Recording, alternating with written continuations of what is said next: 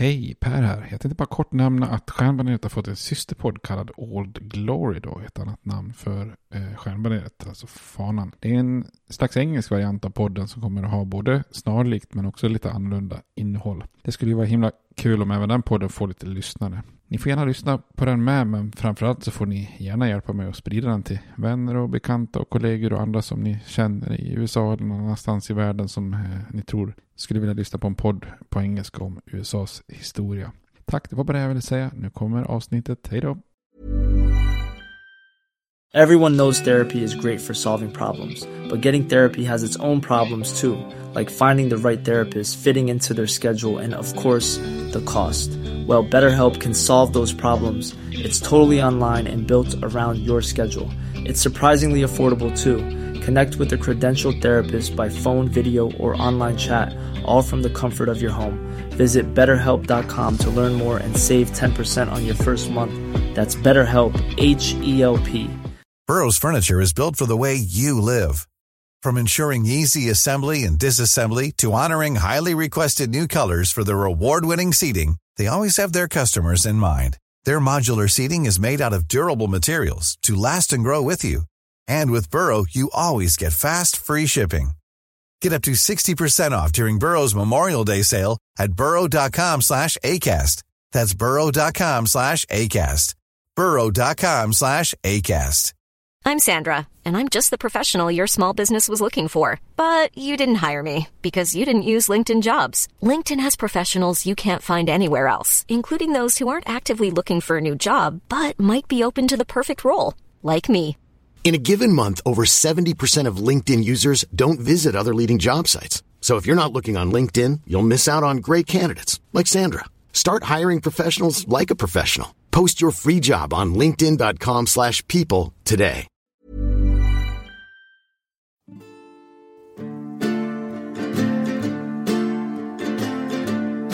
We hold these truths to be self-evident, that all men are created equal, that they are endowed by their Creator with certain unalienable rights, that among these are life, liberty, and the pursuit of happiness. Now we are engaged in a great civil war, testing that government of the people, by the people, for the people, shall not perish from the earth. And so, my fellow Americans, ask not what your country can do for you, ask what you can do for your country. I have a dream that my four little children will one day live in a nation where they will not be judged by the color of their skin, but by the content of their character. Mr. Gorbachev, tear down this wall. I did not have sexual relations with that woman, Miss Lewinsky. Hej och välkommen till Stjärnbaneret, en podcast om USAs historia med mig Per Fjärdingby. Där det äntligen är dags för ett eh, nytt avsnitt. Det vart en liten paus här. Det blir så eh, i livet ibland. Jag har ju tre barn som är 7, 10 och 12 och det är en hel del aktiviteter och, eh, och så jobbar jag ju fulltid och gör detta på min fritid. Så att då blir det så ibland. Finns inte tiden för varken inspelning eller redigering eller att stolpa upp något nytt manus. Så att eh, det går ibland lite tid mellan avsnitten. Men ni kan vara lugna, det kommer alltid att komma fler. Vi är ju, har ju fortfarande mycket kvar av den amerikanska historien att titta på.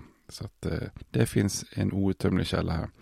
Eh, jag tänkte fortsätta den här översiktsserien eh, där vi tidigare här nu pratat om i senaste avsnittet då, Jimmy Carters fyra år, eh, 76 till 1980 och innan det så pratade vi om Richard Nixon och, och um, Gerald Ford och egentligen eh, allt det som skedde där kring Watergate och efterdyningarna av Vietnamkriget och stagflation och ekonomiska bekymmer och så vidare då.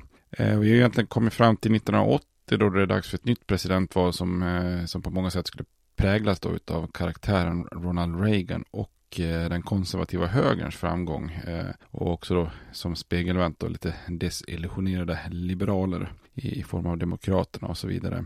Eh, Innan vi kikar närmare på, på just själva presidentvalet och Reagan och, och hoppar in på 80-talet så tänker jag att det är läge att, att stanna upp kanske se lite grann på de här fenomenen i ett lite längre perspektiv. Alltså framväxten av eh, en konservativ rörelse som på något vis har legat smyg, eh, smygande och puttrande och, och börjat ta sina steg på 60-70-talet och sen, sen kommer den att träda fram ordentligt här och, och också få inflytande och makt här på 80-talet. Men också hur den här tidigare dominanta eh, liberala delen av USA eh, som hade etablerats redan med nya given där, hur den försvagas och, och liksom helt börjar tappa sin position där eh, ungefär när, runt 1980 då. Och det kan ju vara så ibland tycker jag att det kan, även om man försöker göra en kronologisk serie så, så försöker man ju hålla kronologin något sånär då som jag försöker i översiktsserien men samtidigt ibland när det händer någonting liksom lite avgörande eller någonting sånt där så, så känns det som att man eh, för att kunna förklara fullt ut så kanske man också måste backa bandet och köra lite så eh, lite breda penseldrag och titta på någon röd tråd som kanske sträcker sig eh, över flera decennier för att, för att liksom kunna verkligen förklara en viss eh, händelse eller en viss eh, sak som utspelar sig ju för att hitta dess, dess rötter och sådär. Så, så jag tänkte att vi skulle ta helt enkelt två avsnitt för att göra det. Då.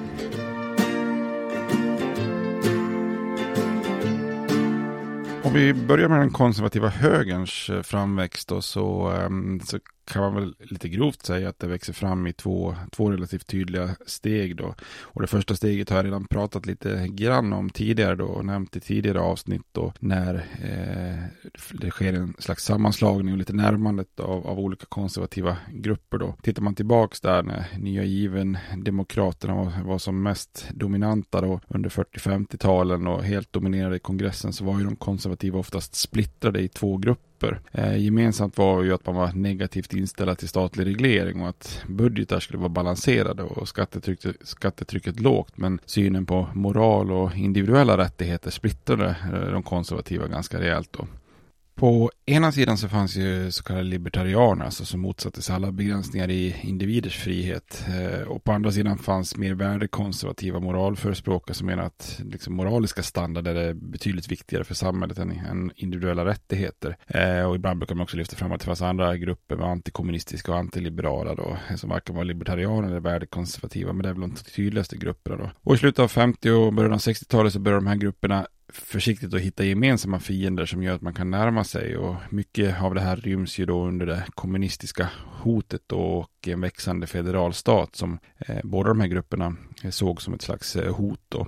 Och de konservativa i USA gynnades ju också av att de liksom för gott och för alltid lagt sina tidigare den här traditionella isolationismen bakom sig och eh, börjat förespråka då eh, med, med hjälp av det här kommunistiska hotet och en mer aggressiv utrikespolitik, vilket också gjorde att eh, de här konservativa grupperna kan närma sig då. Ehm, så det finns ett antal sådana här faktorer som gör att man, man kommer samman då och tillsammans så börjar man då sakta utmana den här rådande politiska ordningen och det här allmänna liberala koalitionen som hade styrt USA i flera decennier då.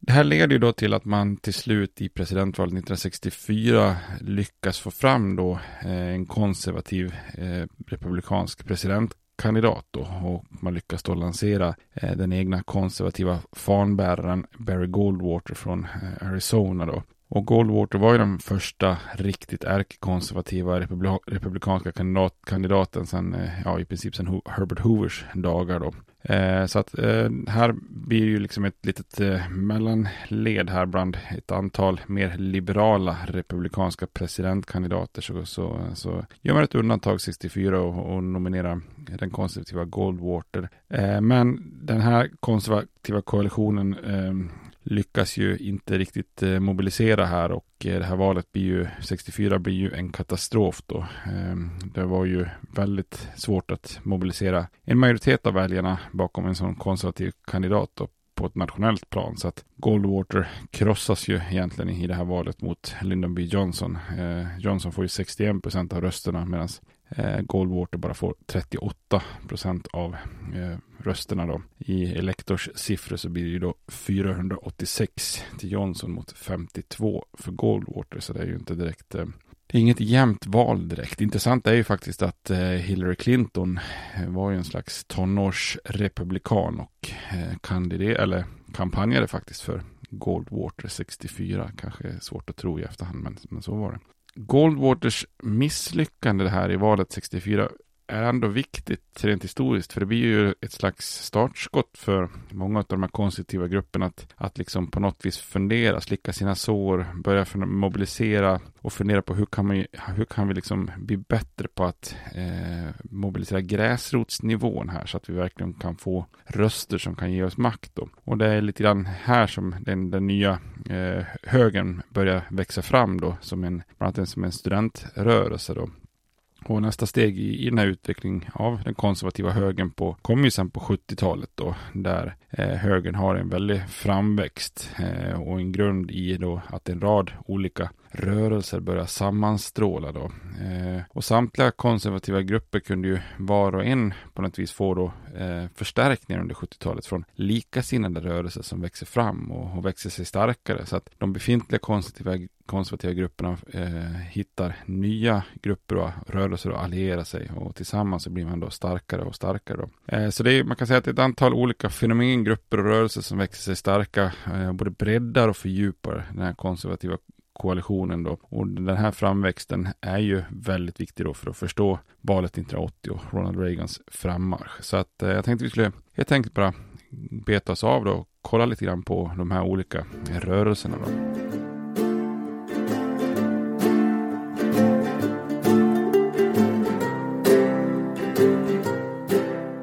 Den första och kanske viktigaste rörelsen eh, eller gruppen var ju den kristna högern då. Under 60-talet hade ju mainstreamkyrkor börjat få allt färre medlemmar och i det här vakuumet så uppstod en slags religiös eh, väckelse då. Och några av de här religiösa rörelserna var ju väldigt extrema grupper då, scientologin till exempel, men också den här eh, som ni säkert har hört talas om, tragiska sekten People's Temple då, som leddes av den här Garnier Jim Jones, vars medlemmar begick en slags kollektivt självmord i, i djungeln i Guana 1970 1988 då. Men om man bortser från de här mer eh, udda eh, fundamentalistiska grupperna då så innebar ju 70-talet ett rejält upp, uppsving allmänt för så kallade evangelistiskt kristna då. En slags väckelsekristendom med, med en konservativ teologisk bas då. Och de här kristna upplevde ju en slags pånyttfödelse, det är därför de kallas för born again, eller att man har born again conversions, där man trodde att man hade en direkt kontakt med, med Jesus då, och de här tror ju mer bokstavligt, eller tror på mer bokstavstrogen tolkning av Bibeln och ser ju på något vis Jesus som sin, sin eh, ja, personliga eh, räddare då. Och på slutet av 70-talet så ansåg mer än 45 miljoner amerikaner att de var evangelister, alltså runt en femtedel av befolkningen då. Och då har man ju ökat ganska kraftigt samtidigt då som medlemskapet i, i de andra mer mainstream-kyrkorna har, har sjunkit då. Eh, och en av orsakerna till att den kristna högern ökar i antal var att man var otroligt duktiga på att använda nya kanaler för att nå ut och, och omvända personer. Då. Eh, man är väldigt skicklig på att använda tidningar, tidskrifter, radiokanaler och framförallt så är det ju ett antal tv-präster då. Eh, Televangelists eh, som, som, som är framgångsrika då. Eh, Jerry Falwell, Pat Robinson, Jim Becker eh, och ha, massa olika då. Och de här känslosamma och hetsiga predikningarna som eh, om samtidens ondska och vurm för traditionella värden nådde ju då kanske hundra miljoner amerikaner via tv eh, när det sänds ut då. Dessutom så börjar de här evangelisterna äga en del, del skolor och universitet då så att säga. Så den kristna högern hade ju tidigare varit en rörelse som, som inte varit speciellt utpräglat politiskt heller, men på 70-talet började man också föra fram eh, mer politiska budskap och, och bli också mer aktiv inom den kulturella eh, högern då. Eh, och precis som vanliga konservativa eh, förespråkare, den här konservativa högern då, minskad stat, eh, låga skatter och, och fritt företagande då. Den kristna högern förde ju också fram sina politiska budskap genom ett slags, ska man säga, prisma eller filter av moral predikan också. De menar ju att USA befann sig i en, en kris då. En kris som liksom skapas av den här sekulära liberalismen eh, som förespråkar någon form av materiellt välbefinnande och personlig utveckling då framför traditionella kristna värden och de anklagar den federala staten och liberala tjänstemän som jobbar där för, för landets moraliska förfall som de såg det. Då. Sekulär kultur spred liksom omoralen rätt in i deras eh, samhällen och skolor och familjen. Då. Och det är två områden som särskilt oroar den kristna högern mer än någonting annat. Då. Det ena var ju skolor där man oroar sig då för att barnen indoktrineras i, i liberal och sekundär eller sekulär eh, eh filosofi då, eh, och få helt enkelt växa upp med och få en tveksam moral då. Och det andra området var ju den moderna feminismen som man såg hota traditionella familjevärden på typ alla sätt och sätt tänkbart då. Att staten ger stöd åt till exempel preventivmedel och abort och i allmänhet uppmuntrar kvinnor att frigöra sig via till exempel det här Equal Rights Amendment. Eh, det är ju liksom det är ett stort hot mot eh, kärnfamiljen enligt de här grupperna. Då. Eh, och förutom målet att stoppa det här Equal Rights Amendment som man också lyckas med då, så fanns ju två egentligen politiska beslut fattade av Högsta domstolen, då, alltså rättsfall, som var särskilt i, i den kristna högerns skottglugg eller kikarsikte då. Och det första var ju det här rättsfallet Engel vs Vitale från 62 där domstolen hade förbjudit böner i skolan. Det tycker man ju naturligtvis var helt förkastligt då ur, ur den aspekten. Eh, det andra är ju såklart Roe vs Wade då från 73 som legaliserade abort på nationell nivå som ju också nyligen då omvändes eller ogiltigförklarades. I slutet av 70-talet hade den kristna högerns aktiva roll inom politik och politiska värderingar gjort dem till en väldigt inflytelserik politisk eh, kraft då. Eh, och den här Jerry Falwell då, som är en fundamentalistisk tv-predikant från eh, Virginia med väldigt stor publik. Han lanserar ju en rörelse som han kallar för Moral Majority. Och Pat Robinson, Robertson är en pingstväckelsepastor från, också från Virginia och senare presidentkandidat faktiskt lanserar ju en rörelse som kallas Christian Coalition och även ett eh, tv-blogg som han kallar Christian Broadcasting Network, CBN då. Eh, och det är lätt att tänka på de här när man ser vad de sprider för budskap. Att, att de bara är någon slags allmänna religiösa fundamentalister och som under åren har spridit en jäkla massa dynga och konspirationsteorier då. Eh, så jag menar, Jerry Falwell, han gjorde bland annat en videodokumentär, den här Clinton Chronicles där han anklagar Bill Clinton för att vara involverad i en mordkomplott och kokainsmuggling och Pat Robert Robertson han publicerar ju en bok, The New World Order, där han påstår att judiska bankirer, kommunister, frimurare, Illuminati och Satan planerar att omkullkasta USA genom att använda Europa och eh, FN då. Så det är ju rejäla konspirationsteorier. Det är Faktiskt en skyhävla koalition han får ihop där. Svårt att se hur de här judiska bankirerna, kommunisterna och eh, frimurarna ska kunna samarbeta med Illuminati och, och Satan. Men, men hur som helst, de här Pat Robertson och Jerry Falwell anklagar ju också eh, tillsammans homosexuella och abortförespråkare för terrordåden 11 september 2001. Och menar att de här grupperna hade gjort då att Gud hade tagit sin hand ifrån USA och inte längre skyddade landet. Eh, så för att eh, så trots de här extrema budskapen så, så är det många som liksom har eh, fastnat för de här tv-prästerna då. Så för att sammanfatta den kristna högerns politiska budskap så ville man då eliminera federal inblandning i lokala frågor och minska staten till ett minimum och de fördömer då abort, skilsmässa, feminism, homosexuella och så vidare. Också eh, ganska vanligt att rasism lyser igenom då eh, i många av de här åsikterna de har. Då. Och de försvarar också ett oreglerat företagande, att USA skulle ha en stark roll utrikespolitiskt och, och menar att eh, med en sån politik så skulle kristna värderingar börja dominera landet. Då.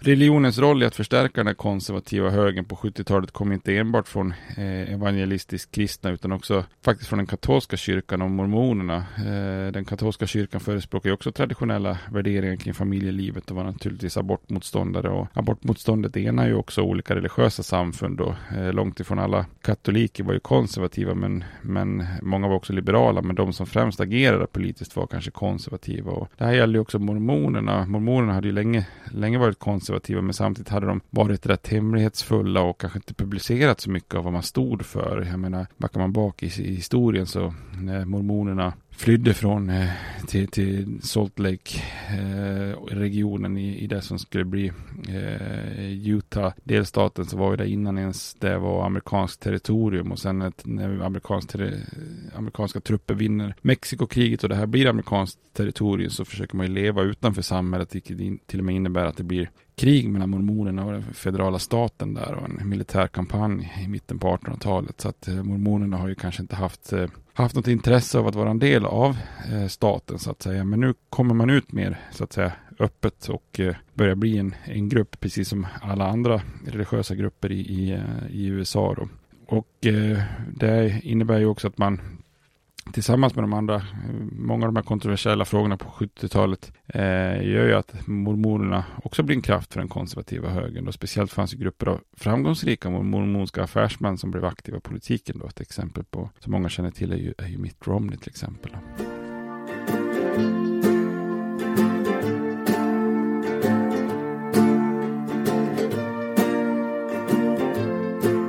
En annan sån här eh, kan man inte kalla för rörelse, men en annan, sån här faktor som eh, förstärker den konservativa högern, det är faktiskt solbältet också. Ehm, för den konservativa högern gynnas ju också av den demografiska utvecklingen på 70-talet och, framväxten av det här så kallade solbältet, alltså delstaterna i syd, sydöstra och sydvästra USA då, eh, längst ner i södern då. Eh, tyngdpunkten i USAs befolkning hade ju alltid alltid tidigare haft en slagsida mot, ja egentligen nordöstra USA då, eh, mellersta östkusten och, och den så kallade Midwest då, alltså klassiska nordstater om man backar tillbaka till, till inbördeskriget. Eh, men som vi har sett, det sker ju lite, lite utveckling här. I början av eh, 1900-talet så kommer den här utvecklingen där västkusten börjar växa sig ganska starkt. Då. Eh, och när vi kommer eh, fram till 80-talet så har ju solbältet växt sig, växt sig starkt. Då, och Eh, befolkningsmässigt så börjar många av de här delstaterna i södern gå om de klassiska industridelstaterna i, i norr och nordöst. Då. Eh, delstater som Florida, Texas, Arizona, Utah, Nevada mer än fördubblade ju sin befolkning eh, under, under ett par decennier där från 70-talet till 90-talet och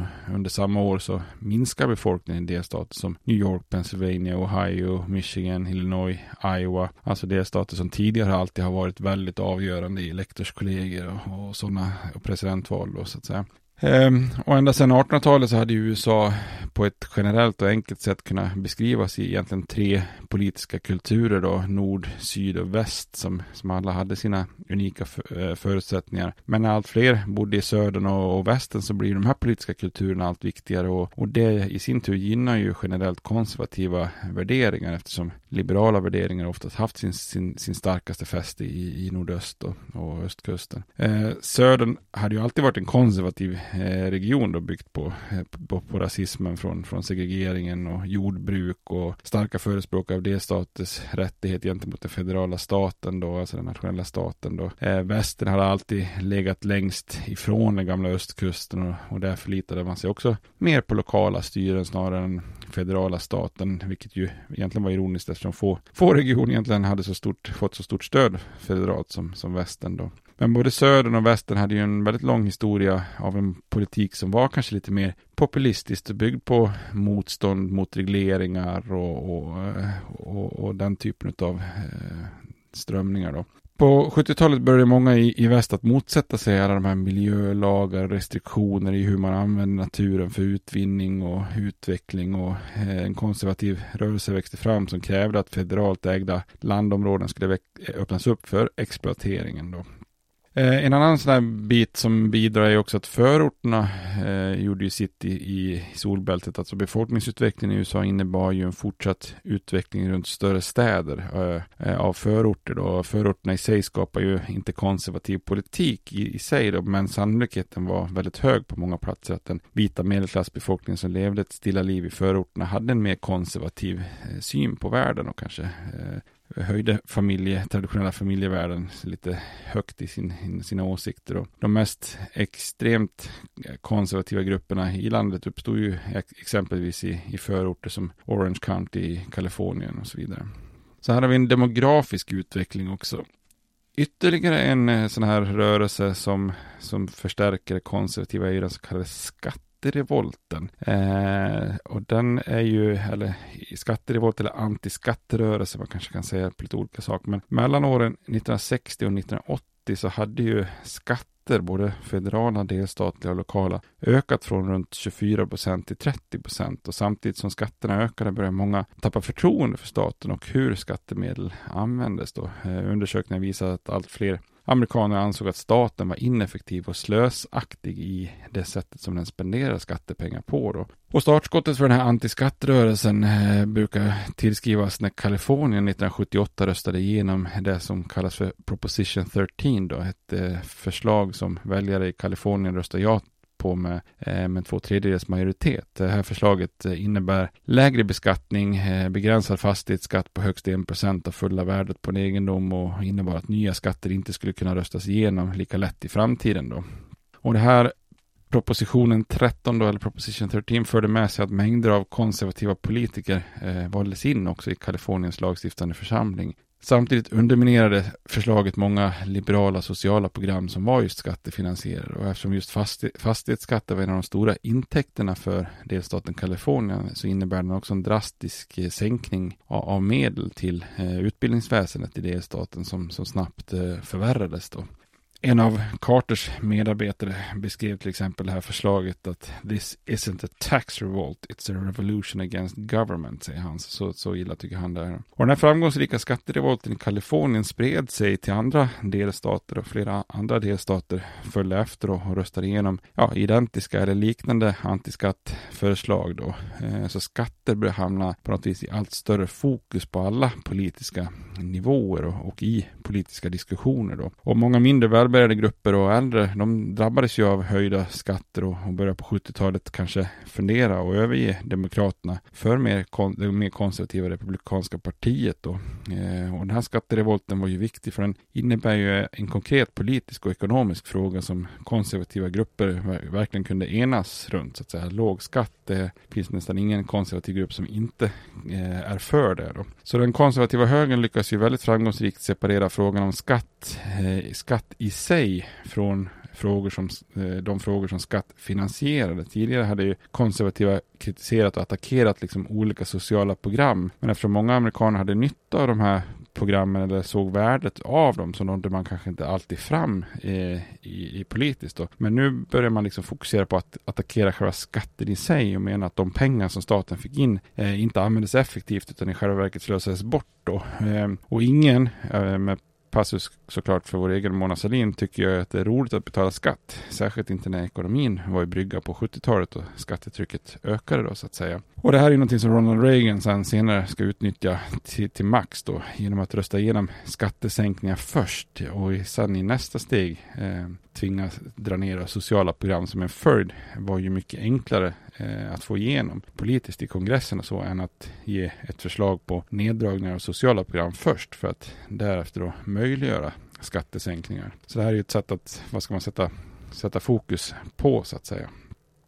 En annan ekonomisk rörelse som också eh, förstärker den konservativa utvecklingen eh, är ju också eh, någonting som kallas för utbudsekonomi. Då. Eh, om skatterevolten var ett mer ska man säga, folkligt sätt att protestera mot skatter så fanns också en närliggande ekonomisk teori som var på frammarsch och gav den här konservativa högern en ekonomisk ideologi att hålla fast vid. Eh, och det var den så kallade utbudsekonomin då, som på engelska är supply side economics. Då. Tidigare hade ju nationalekonomin främst varit en kamp mellan den här liberala keynesianismen och den konservativa då med eh, monetarismen. Och keynesianismen hade ju varit fokuserad på efterfrågesidan av, av ekonomin då. Eh, att man försökte dämpa konjunkturers uppgång och fall genom att påverka den aggregerade efterfrågan, inte utbudssidan då med, med finanspolitiska åtgärder då. Stabiliseringspolitik, alltså att man när, när det blir dåliga ekonomiska tider så kan staten Eh, investera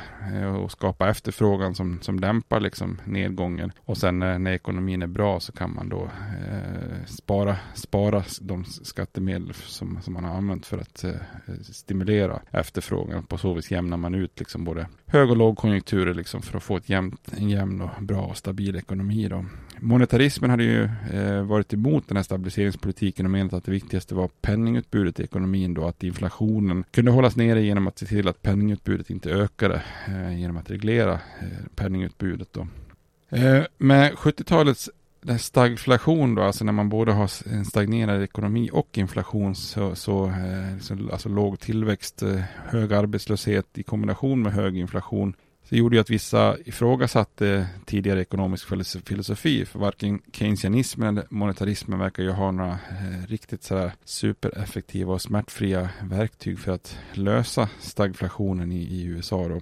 Och det är ju i det här läget som den så kallade utbudsekonomin börjar få fäste och bli populärt då, trots en del tveksamma inslag. Eh, utbudsekonomerna menar ju att ekonomisk tillväxt främst skapas genom att stimulera marknadens utbudssida snarare än efterfrågesidan. Då. Eh, utbudssidan skulle stimuleras genom att då försöka ge incitament för människor och företag att producera varor och tjänster genom att sänka skatter. Då. Och den privata sektorn, om den uppmuntrades att sänka skatter, skulle ju använda kapitalet till, att, till produktiva investeringar snarare än att försöka skydda kapitalet från, från skatt.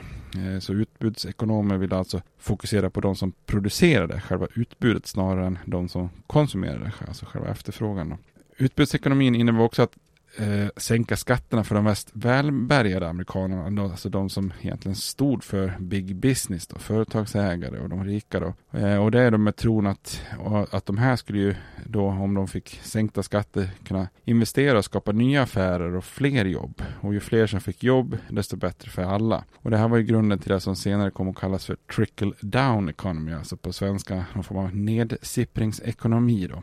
Eh, många ekonomer, eh, andra ekonomer ifrågasatte ju själva logiken i de här utbudsekonomiska teorierna. Då. Liberala kritiker menar att sänkta skatter skulle ju minska statens intäkter och, och leda till offentliga nedskärningar. Eh, fiskalt konservativa ekonomer menar att skattesänkningarna skulle ge stora budgetunderskott och, och ökad statsskuld. Eh, men utbudsekonomerna de försvarar sig och menar att det inte skulle bli så. Sänkta skatter skulle enligt dem leda till så stora investeringar att en ekonomisk boom skulle kunna skapa så många nya skatteintäkter att, att de här skulle kunna kompensera för det, det som har förlorat så att de totala skatteintäkterna faktiskt inte skulle minska. Eh, skattesänkningar skulle alltså skapa fler jobb och, och de här skattebetalarna skulle ju då kompensera för förlusten i skatteintäkter som, som sänkningarna innebar. Då. Det här antagandet som utbudsekonomerna gjorde byggde väldigt mycket på en så kallad teori, då, Lafferkurvan, uppkallad efter ekonomen Arthur Laffer. Eh, och den här Laffer-teorin byggde på att höga skatter skulle, hållas, eh, ne skulle hålla nere individers incitament att tjäna mer och därmed försöka betala mer i skatt. Då. sänkte man istället skatterna så skulle ju individerna investera mer och arbeta mer och tjäna mer så att man också betalade mer i skatt totalt. Då. det som var lite problemet med den här kurvan var ju att den främst var korrekt vid extremt höga skatter, vilket ju då inte riktigt kanske var fallet i, i USA då. Eh, men utbudsekonomer de eh, utgick från att de här bakomliggande teorierna var korrekta då, eh, och att de hade funnit en slags formel för att bekämpa stagflationen utan att behöva offra någonting annat. Då. Eh, så de lovar att följer vi den här ideologin då så skulle eh, vi skulle både öka produktiv produktivitet och tillväxt, sänka inflationen, sänka skatter, minska budgetunderskottet och, och fortsätta kunna finansiera populära skattefinansierade sociala program då så att säga. Eh, så utbudsekonomi var ju en teori som konservativa krafter kunde ta till sig med hull och hår då. Det verkar liksom innebära det bästa av två världar då. Med den som grund så kunde man både förespråka skattesänkningar, vilket ju såklart alltid är populärt, eh, och samtidigt hävda att det inte skulle leda till budgetunderskott eh, eller att välfärdssystemet skulle behöva försvagas. Eh, vilket ju också egentligen på ett sätt är ironiskt eftersom man ändå förespråkar en minskad stat. Men, men det var ju kanske lite utanför den ekonomiska politiken då. Libertarianer eh, närmade sig ju då Ronald Reagan 1978 och, och, föreslog att han skulle bli en förkämpe för det här med utbudsekonomi och att övertala honom var ju enkelt. Han hade ju redan gjort sig känd som en politiker som hatade skatter och som ville ha en optimistisk framtoning och utbudsekonomi passar ju honom som hand i handsken då så att säga. Så utbudsekonomi, skattesänkningar och den här trickle-down-ekonomin skulle bli en väldigt viktig del i Ronald Reagans ekonomiska politik på 80-talet och det som har gått eh, till, till historien som Reaganomics. Då. Eh, och man kan säga att Reagans ekonomiska politik blev själva experimentverkstaden för den här utbudsekonomiska teorin då, där den, där den provar då, så att säga. Många ekonomer eh, skulle då med fog vara lite tveksamma till utbudsekonomin, ekonomernas teori då. Och eh, man brukade, många kritiker brukar kalla, kalla utbudsekonomi för voodoo economics för att man tyckte att det var, var så, så konstigt resonerat. Och, så att säga. och med facit i hand så vet vi att det inte fungerade riktigt så bra som utbudsekonomerna hade hoppats på. Då, så att säga. Den här Lafferkurvan kanske var mer teori än, än verklighet. Och att öka federala skatteintäkter genom att sänka skatter var helt enkelt en lite, lite väl optimistisk fantasi. Då. Och den här nedsippringen var också kanske lite i överkant optimistiskt. Och skattesänkningar för de allra rikaste sipprade helt enkelt inte ner så som man trodde. Eh, Alltså, framförallt sipprade det, sipprade det knappast ner till de allra fattigaste. Eh, och eh, skattesänkningarna kunde heller inte kompensera hela eh, skattebortfallet då, som uppstod eh, vid skattesänkningarna. Utan det här leder ju till eh, ganska mycket minskade sociala satsningar, och precis som de liberala hade misstänkt. Och eh, till en hel del ökat budgetunderskott, precis som eh, andra konservativa monetarister hade, hade misstänkt. Då. Så det är lite som jag brukar säga till mina, mina barn, låter det, låter det för bra för att vara sant så är det kanske oftast det. Eh, så, men den här utbudsekonomins teori om sänkta inkomstskatter och vinstskatter gick emellertid väldigt hand i hand med den här skatterevolten och hon blev en väldigt viktig del i, i den konservativa högerns eh, framväxt. Då, så att säga.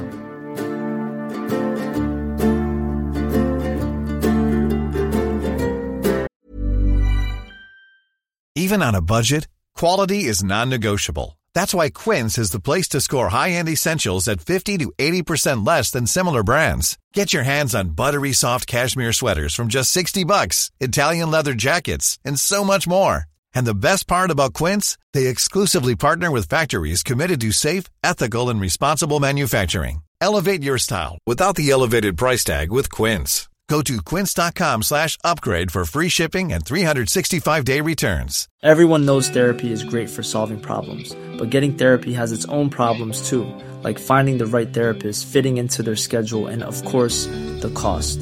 Well, BetterHelp can solve those problems. It's totally online and built around your schedule. It's surprisingly affordable too. Connect with a credentialed therapist by phone, video, or online chat, all from the comfort of your home. Visit betterhelp.com to learn more and save 10% on your first month. That's BetterHelp, H E L P.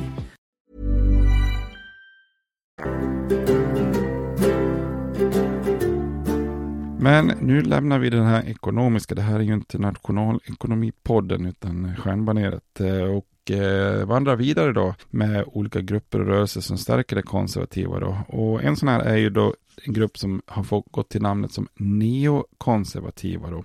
Eh, det här är ju en, en, eh, en, en, grupp, en ny form av konservativ ideologi som, som fördes fram eh, av en intellektuell grupp då som förstärker den konservativa högern. Neokonservativa bestod egentligen av mer intellektuella före detta liberaler som hade tappat tron på en aktiv stat, och förde fram då budskap om att backa från det man ansåg var liberala åtgärder i överflöd.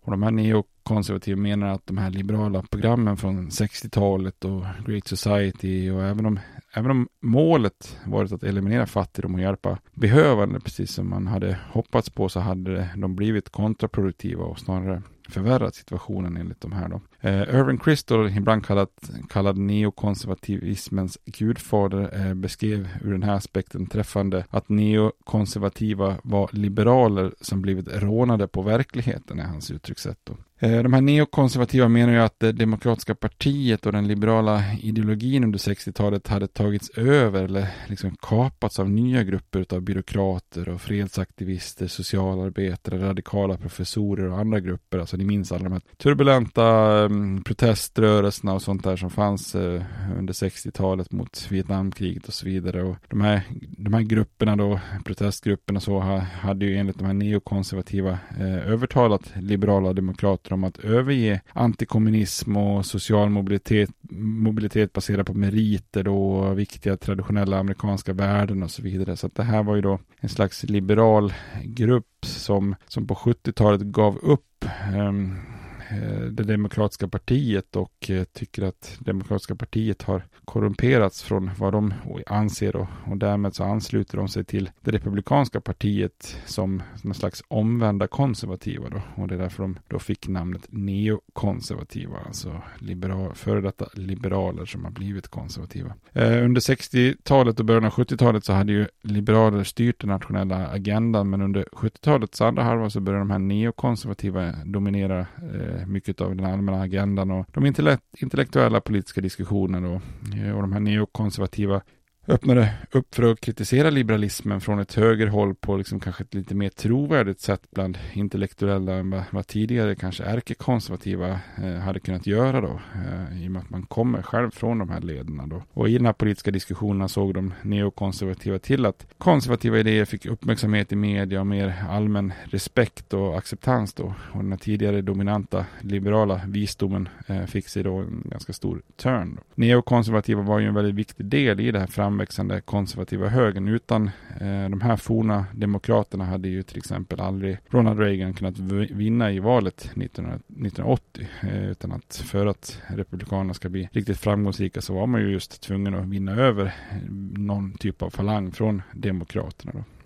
Eh, Medan de alltså neokonservativa stod för liksom någon slags intellektuell pusselbit i, i konservativ politik eh, så eh, såg ju också företagsledare och big business till att göra lite grann verkstad utav saken också då. För det här är också någonting som gynnar den konservativa högern då i form av big business och eh, lobbying. Eh, sen andra världskriget så hade ju industrin, stat och fack tillsammans jobbat eh, för landets ekonomiska bästa och det här hade ju fungerat på 40 50 och 60-talen ganska bra. Då. Det hade varit hög tillväxt, det hade varit mycket statliga investeringar, lönerna hade varit höga som genererat ytterligare konsumtion och ytterligare tillväxt. Eh, och den amerikanska ekonomin hade gått på högvarv. Så big business hade så att säga samarbetat med big government och big labor i en slags informell praxis om man, om man uttrycker det så då så att säga. Eftersom allting hade gått bra under många år utan problem och alla på något vis tjänar på det så hade ju industrin och företagsledare haft eh, väldigt få incitament på att rucka på det här systemet eh, eh utav, utav samverkan då. Eh, de hade till exempel, många inom big business hade Eh, och företagsledare hade inte velat bli associerade med Barry Goldwaters konservativa kampanj på, på 1964 till exempel. Då. Men som vi har pratat om tidigare i avsnitt så blev ju 70-talet någonting annat och omvärlden hade kommit ifatt många amerikanska företag som började utsätta sig för, för stenhård konkurrens från både Europa och, och Japan och den amerikanska industrin hade ju ganska stora strukturella problem och behövde ställa om och bli mer effektiva. Samtidigt kom de här oljekriserna, energibrist och gjorde situationen värre. Och politikerna hade ju väldigt svårt att lösa inflation och arbetslöshet. och det gjorde ju också att facken blev väldigt missnöjda. Då. Eh, det här leder till att eh, många industriledare och företagsledare inom big business och näringslivet börjar liksom successivt lämna den här informella koalitionen och samverkan på 70-talet. Eh, många företagsledare förenar sig och, och på flera sätt då försöker expandera sin, sin politiska makt. Då. Och det är just under 70-talet som de här stora amerikanska företagen börjar etablera sina, sin, sina väldigt stora och starka lobbyingverksamheter i, i Washington DC för att kunna påverka påverka den politiska agendan. Då. Många företag och branschorganisationer öppnar upp kontor i Washington DC nära Capitol Hill för första gången och man börjar anlita en massa jurister med kopplingar till kongressen och mängder av politiska konsulter och tillsammans så, så såg man till att följa politiska förslag, eh, lobba för förslag som gynnade eh, näringslivet och försöka avvärja alla lagförslag som ansågs vara fientliga eller negativa mot företagande. Då.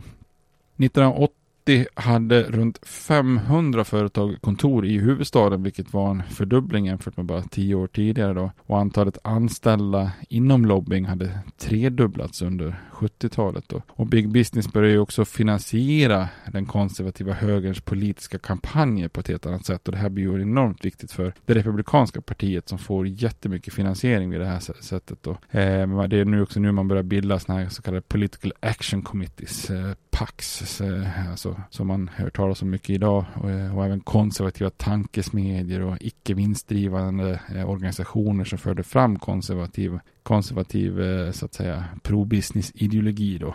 Eh, och den här big business eh, och lobbyingverksamheten blev ju väldigt framgångsrika i detta. Eh, alltså inte sen egentligen kanske om man backar tillbaka till 1920-talets dagar så hade jag affärs och företagsvärlden fått så, så stort inflytande i politiken som man började få på 1980-talet.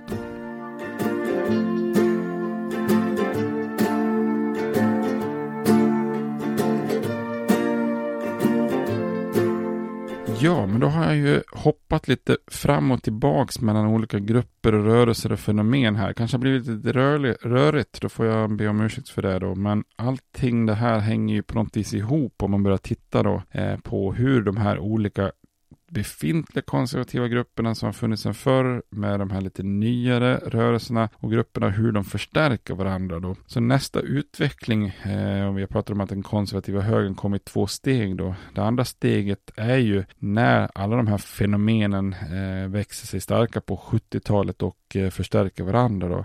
Alltså samtliga egentligen tidiga konservativa grupper kunde ju var och en få väldigt mycket förstärkning från likasinnade rörelser som, som växer fram då som starka under 70-talet. Tittar man på de här tidigare värdekonservativa traditionalisterna och moralförespråkarna inom, inom den konservativa rörelsen så de får ju väldigt stark förstärkning av den här kristna högern och de här nya, nya högerns studenter. Där får ju de en, en rejäl boost så att säga Eh, ekonomiskt konservativa liberaler, de fick ju helt plötsligt stark uppbackning av konservativa företagsledare då inom big business och lobbying. Eh, och även ideologisk uppbackning av det här med utbudsekonomer och, och, och även populistiskt liksom stöd från de här skatterevolterna så att säga.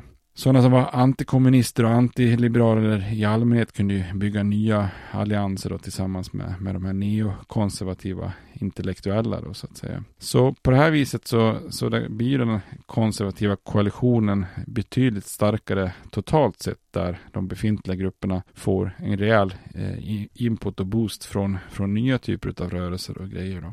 En följd av egentligen Barry Goldwaters misslyckade valkampanj eh, då 64 möjligheten att nå nya grupper då eh, med hjälp av då big business. Eh, så det var ju också att den konservativa högern började organisera sig lite annorlunda, använda ny taktik då och följden blev ju ett effektivare arbete under politiska kampanjer då. Under 70-talet så började det här arbetet ge resultat och konservativa republikanska kandidaters kampanjer var nästan alltid bättre organiserade och bättre finansierade än motståndarna. Eh, och i slutet av 70-talet så fanns ju lobbyister, konsultfirmor, tankesmedjor, universitet och alla som jobbar för den, för den konservativa högern konservativa kampanjer var också pionjärer i många av de taktiker som senare togs för givet då för att samla in pengar, mobilisera valarbete, kommunicera ut politiska budskap. Man börjar så att säga mobilisera basen som man säger så fint i, i moderna val då. Och en av pionjärerna var Richard Vidgery som hade jobbat för både eh, Barry Goldwater och George Wallace tidigare kampanjer. Han såg till att den konservativa högern började använda datoriserade adresslistor för att nå ut direkt till potentiella väljare och på så vis så blev man eh, betydligt mer mer träffsäkra i, i både att nå ut med budskap och även samla in pengar då. Och en framgångsfaktor var att man riktade direkta budskap till, till mottagliga väljargrupper i en rad konservativa frågor som, som de konservativa ville rikta ljuset emot. Det kunde vara aborträtt eller, eh, för, eller skilsmässor eller gayrättigheter eller militant feminism eller pornografi eller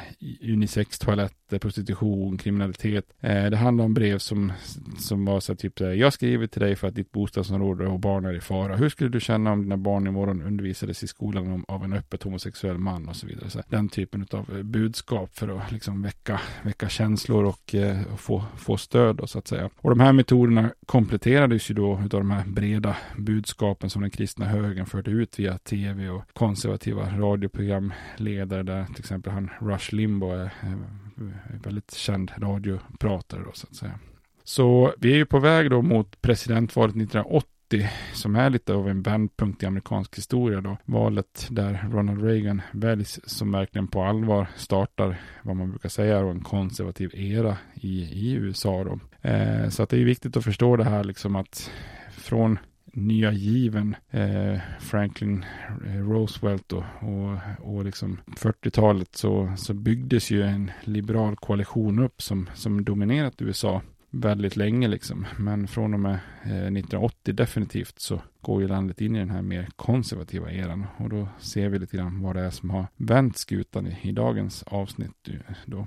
Men nu har vi ju sett på framväxten av den konservativa högern. Nästa avsnitt tänkte jag att vi skulle kolla på hur den konservativa högern går på offensiven då med Ronald Reagan i spetsen. Eh, och också vad som händer lite grann hos motståndarna och det demokratiska partiet och, och vad som bidrar till bakslaget för liberalismen. Så vi vänder lite på myntet och tittar på den andra sidan. Och sen efter det så är det dags för att eh, välja Ronald Reagan till president 1980. Men eh, tills dess så får ni ha det bra.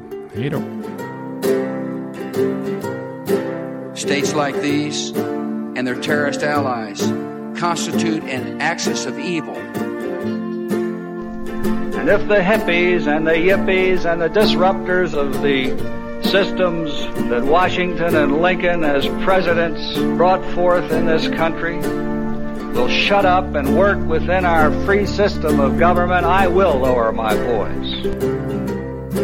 If the impeachment provision in the Constitution of the United States will not reach the offenses charged here, then perhaps that 18th century Constitution should be abandoned to a 20th century paper shredder.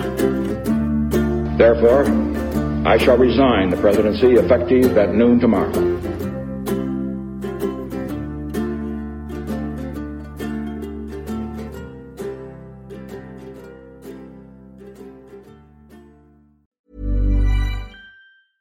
Even when we're on a budget, we still deserve nice things. Quince is a place to scoop up stunning high end goods for 50 to 80% less than similar brands. They have buttery soft cashmere sweaters starting at $50, luxurious Italian leather bags, and so much more. Plus, Quince only works with factories that use safe, ethical, and responsible manufacturing. Get the high-end goods you'll love without the high price tag with Quince. Go to quince.com/style for free shipping and 365-day returns.